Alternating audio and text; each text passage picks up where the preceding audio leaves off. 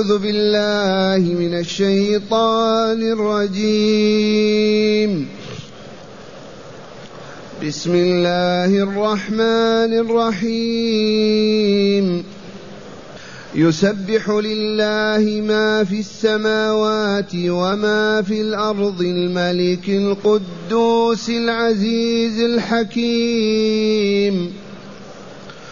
هو الذي بعث في الأميين رسولا منهم يتلو عليهم آياته يتلو عليهم آياته ويزكيهم ويعلمهم الكتاب والحكمة. وإن كانوا من قبل لفي ضلال مبين. وآخرين منهم لما يلحقوا بهم وهو العزيز الحكيم. ذلك فضل الله يؤتيه من يشاء. والله ذو الفضل العظيم. أحسنت. معاشر المستمعين والمستمعات من المؤمنين والمؤمنات. قول ربنا جل ذكره بسم الله الرحمن الرحيم يسبح لله ما في السماوات وما في الأرض. بين يدي شرح هذه الآيات أذكركم بأن هذه السورة بأن هذه بأن هذا اليوم يوم الجمعة يوم أقسم الله تعالى به في قوله والسماء ذات البروج واليوم الموعود وشاهد ومشهود فالشاهد يوم الجمعة والمشهود يوم عرفة. هذا اليوم يروي مسلم عن أبي هريرة فيقول يوم الجمعة خير يوم طلعت عليه الشمس. يوم الجمعة خير يوم طلعت عليه الشمس. فيه خلق الله آدم وفيه أنزله الجنة وفيه أي في يوم الجمعة أخرجه أنزله منها. هذا يوم الجمعة. أفضل الأيام. وهذه الصورة إن شاء الله نجد فيها من العلم والمعرفة الكثير بهذا اليوم. قوله تعالى يسبح لله ما في السماوات وما في الأرض. يخبر تعالى وهو الصادق المصدوق بأن له بأنه يسبح له ما في السماوات وما في الأرض. من كل الكائنات.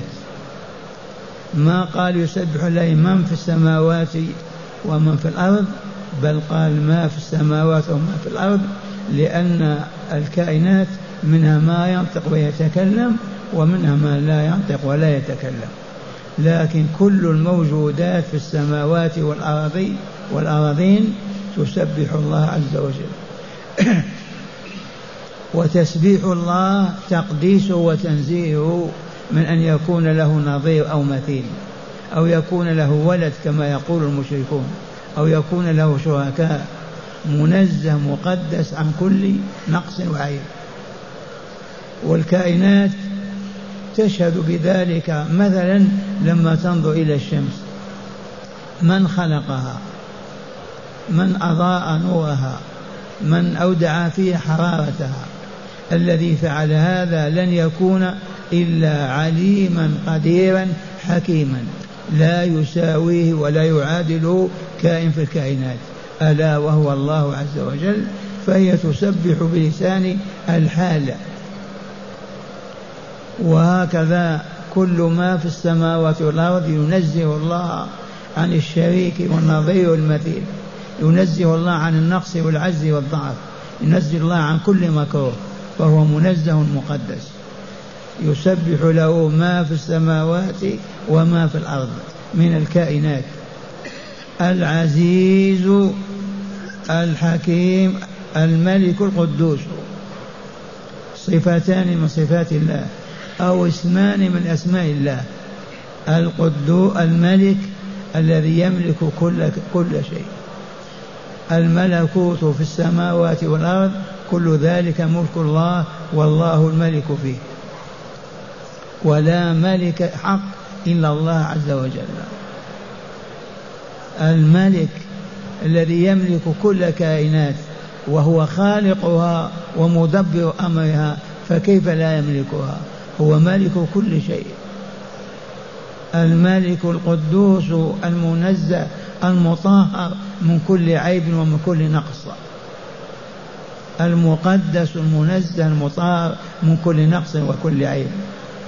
العيوب في بني آدم في الجان في غيرهما. أما الله عز وجل فهو مقدس منزه لا عيب ابدا معه. إذ هو خالق كل شيء ومالك كل شيء وهو رب كل شيء. فكيف لا يكون مقدسا منزها مطهرا؟ الملك القدوس العزيز الحكيم العزيز دائما الغالب الذي لا يغلبه غالب الذي لا يمتنع شيء أراده أبدا الذي ينتقم من أعدائه وينزل بهم البلاء ويعذبهم في الدنيا والأخرى. وذلك لعزته وكمال عزه. الحكيم الذي يضع كل شيء في موضعه. الحكيم الذي يضع كل شيء في موضعه.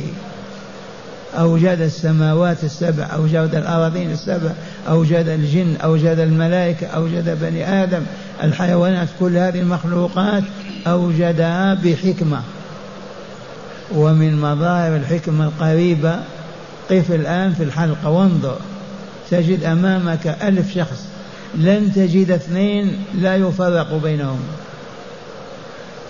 بل لو تجتمع البشرية كلها في صعيد واحد لن تجد اثنين لا يميز بينهما مع أن الذات هي هي عينان أنف فم جسم هو هو ولكن كل واحد له ميزته.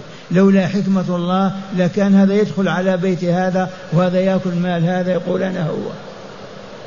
لكن العجب والله إنه للحكيم العليم. يضع كل شيء في موضعه. إن عذب فلحكمته وإن رحم فلحكمته. إن أعطى لحكمة إن منع لحكمة لا يخرج شيء من أفعاله عن الحكمة أبدا وهو الحكيم. هذه أربع صفات الملك القدوس العزيز الحكيم. وأسماء الله مئة أسم لسم وهذه من أسمائه وصفاته. ثم قال تعالى هو جل جلاله وعظم سلطانه. لا غيره الذي بعث في الأميين رسولا منهم. من هم الأميون؟ العرب. لما سموا بالأميين؟ لأنهم لا يقرؤون ولا يكتبون. والأم الذي ينسب إلى أمه كما ولدته ما يعرف قراءة ولا كتابة. أمي. والعامة يقول فلان أمي ما يقرأ ولا يكتب. كأنما ولد الآن. فالعرب أمي وإن كان فيهم بعض يكتب ويقرأ لكن العبرة بالأغلبية أكثرهم أميون لا يقرؤون ولا يكتبون كاليهود والنصارى. هو الذي بعث في الأميين رسولا ألا وهو محمد صلى الله عليه وسلم. نبأه وأرسله. فهو نبي الله ورسوله. نبأه في غار حراء وأرسله بعد ذلك إلى الناس كافة. رسولا منهم أي من العرب. قالت العلماء لا توجد قبيلة من قبائل العرب إلا وللرسول نسب فيها. اللهم إلا قبيلة تغلب هذه نصرانية. ما أعطاها الله هذا النور لأنهم نصارى متنصرون قبيلة تغلب نصرانية. باقي القبائل كلهم النسب موجود في الرسول من أم أو أب وهكذا إليه صلى الله عليه وسلم. ولهذا قال تعالى منهم بعث النبي رسولا منهم مأخوذ منهم وهو محمد بن عبد الله بن عبد الطلب بن هاشم هاشم من عام قريش من عدنان ابن إسماعيل بن إبراهيم. هو جل جلاله وعظم سلطانه العزيز الحكيم الملك القدوس من يسبح له من في السماوات والأرض هو الذي بعث في الأميين رسولا منهم يتلو عليهم آياته. آيات الله ما هي؟ القرآن. فكان صلى الله عليه وسلم يتلو على الناس القرآن. يقرأ الآيات عليهم. يقرأ الصور عليهم. والآيات كلها هدى كلها علم ونعمة ومعرفة يستجيب يستفيدون منها. يهتدون على الأقل ويصلحون. يتلو عليهم آياته ويزكيهم. ومعنى يزكيهم يطهرهم. من الذنوب والآثام. يزكيهم يطهرهم من من المفاسد والشرور والآلام. التزكية تكون في النفس. والرسول يزكيهم يأمرهم بالمعروف ينهاهم عن المنكر وبذلك إن فعلوا المعروف زكت نفوسهم. تركوا المنكر بقي زكاتها. ما تخبثت. يأمرهم بالصلاة بالزكاة بالذكر بالعبادة كل هذه مزكية للنفس. يزكيهم تزكية حقا وزكاهم وطيبهم وطهرهم وأصبحوا أولياء الله وهم أهل الجنة. أصحابه رضوان الله عليهم. يعلمهم الكتاب نعم. رسولا منه يتلو عليهم آياته ويزكيهم ويعلمهم الكتاب والحكمة. الكتاب القرآن الحكمة السنة النبوية. وهي مفسرة للقرآن مبينة للهدى في القرآن مبين الناس طريق السلامة طريق النجاة من خسران الدنيا والآخرة. الحكمة السنة النبوية حكمة لأن الرسول حكيم والله لحكيم. يضع كل شيء في موضعه. إذا هكذا يقول تعالى ممتنا علينا هو الذي بعث في الأميين رسولا منهم يتلو عليهم آياته أن يقرأ عليهم القرآن ليحفظوا ويفهموه ويعملوا بما فيه فيكملوا ويسعدوا ويزكيهم يبعدهم عن النجاسات والأوساخ القلبية والبدنية ويعلمهم الكتاب والحكمة. ونعم. عصر الصحابة ما رأت الدنيا أبدا مثله في العلم والحكمة والمعرفة. أبدا. لا على عهد موسى ولا على عهد إبراهيم. وإن كانوا من قبل لفي ضلال مبين. إيه نعم. وإن كانوا نعم. كانوا في ضلال مبين. يعبدون الأصنام اللات والعزى ومناة وما إلى ذلك يقتلون البنات يفعلون الأعاجيب. ضلال كامل شرك وكفر وفسق وفجور. ومع هذا صفوا طابوا طهروا تمام الطهر بتزكيته صلى الله عليه وسلم لهم.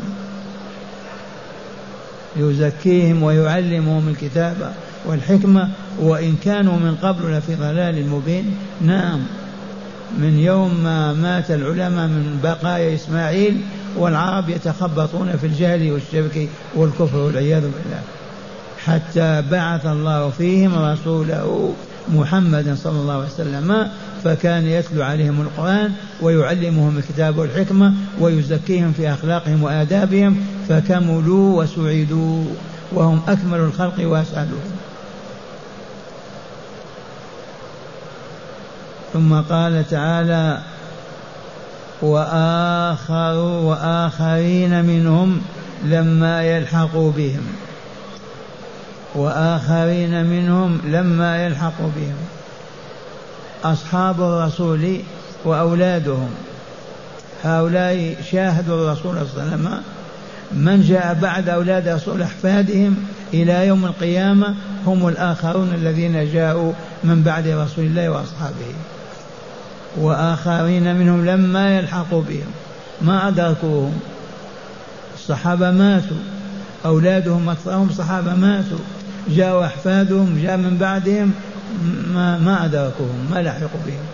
ومع هذا كل من آمن وعمل صالحا كل من علم وعمل بما عمل كل من زكى نفسه وطيب وطهر هو مع هذه الأمة الطاهرة النقية الزكية.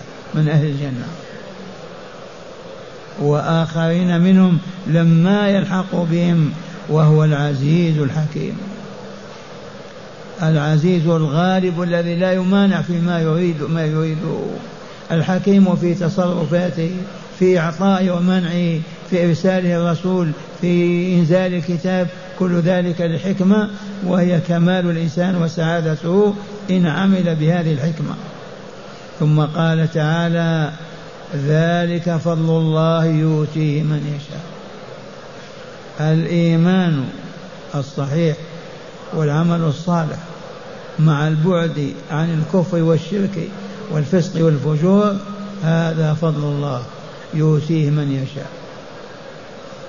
الإيمان الصحيح الخالي من الخرافات والضلالات والأباطيل والترهات الإيمان الذي يوافق إيمان رسول الله وأصحابه لا يخالفهم. العمل الصالح المزكي للنفس وهو ما بينه رسول الله لأمته وتعبدهم الله بها. هؤلاء هذا فضل الله. قولوا اللهم اجعلنا من أهل فضلك. اللهم اجعلنا من أهل فضلك يا ذا الفضل العظيم. اللهم يا ذا الفضل العظيم اجعلنا من أهل فضلك. اللهم يا ذا الفضل العظيم اجعلنا من أهل فضلك وألحقنا بالصالحين من النبيين والصديقين والشهداء في الجنة يا رب العالمين. ذلك فضل الله يؤتي من يشاء والله ذو الفضل العظيم. يؤتيه من يشاء أي من يشاء الله. من هو الذي يشاء الله أن يؤتيه الفضل؟ من طلب.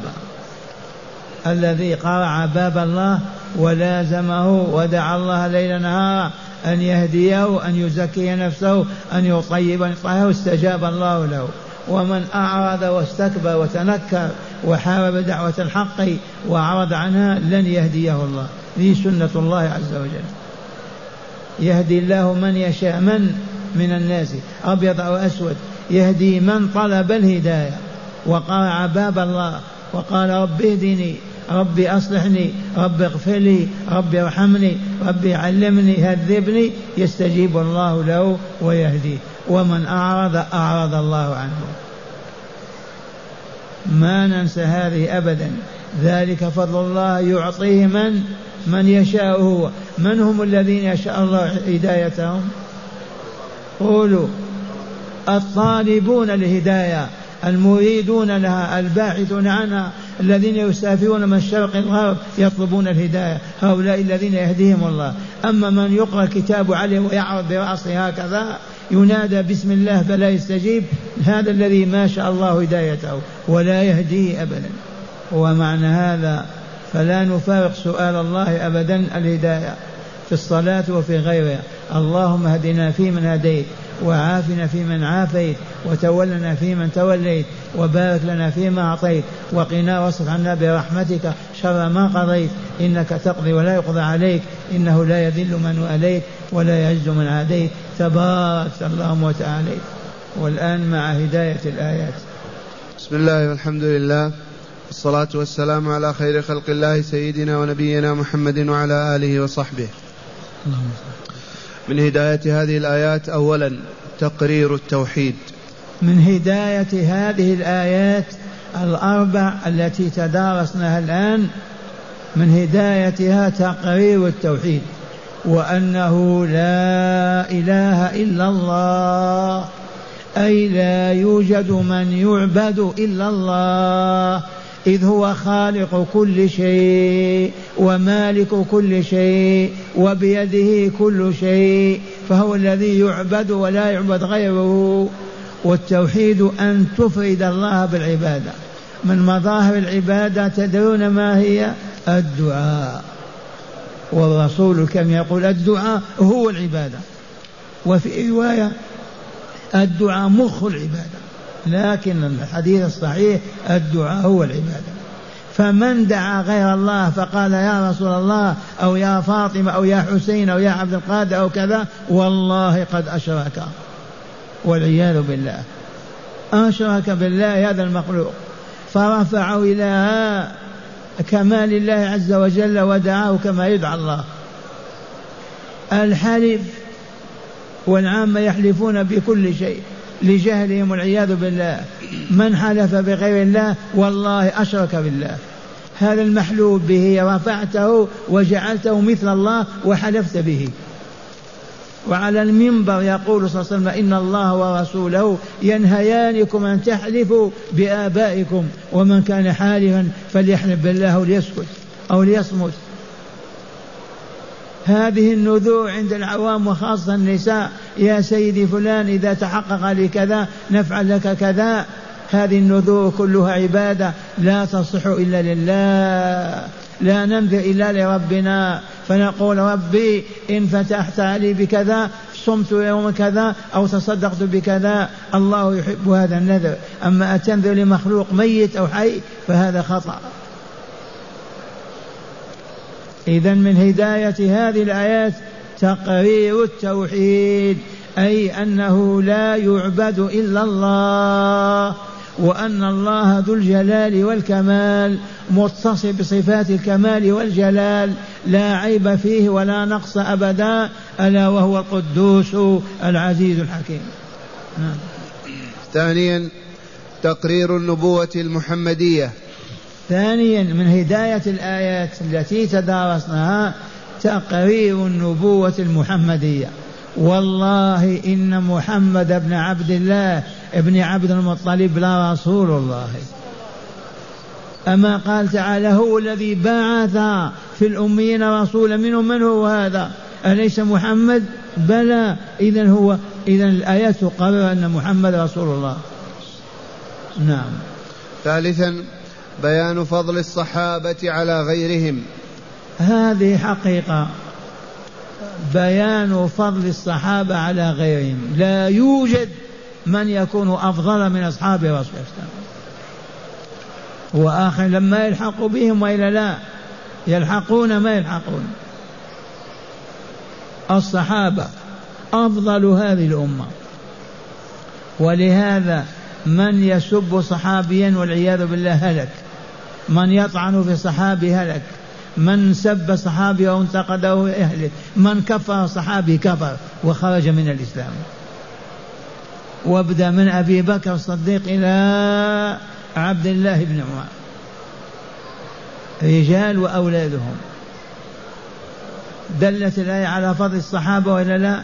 ماذا قال تعالى؟ ذلك فضل الله ذلك فضل الله يؤتي من يشاء. والله ذو الفضل العظيم. نعم. وأخيرا شرف الإيمان والمتابعة للرسول وأصحابه رضي الله عنهم. من هداية الآيات بيان شرف من رسول الله وأصحابه وشرف من يمشي وراءهم ويقتدي بهم. بيان شرف أصحاب الرسول وبيان شرف من يأتسي بهم يقتدي بهم يعبد الله كما عبدوه يطيع الله كما أطاعوه يعلم مثل ما عملوا علموا وعملوا يكون مثلهم بإذن الله وهو فضل الله. والآن نستمع الآيات مجودة ونتأمل ما فهمناه منها. أعوذ بالله من الشيطان الرجيم. بسم الله الرحمن الرحيم.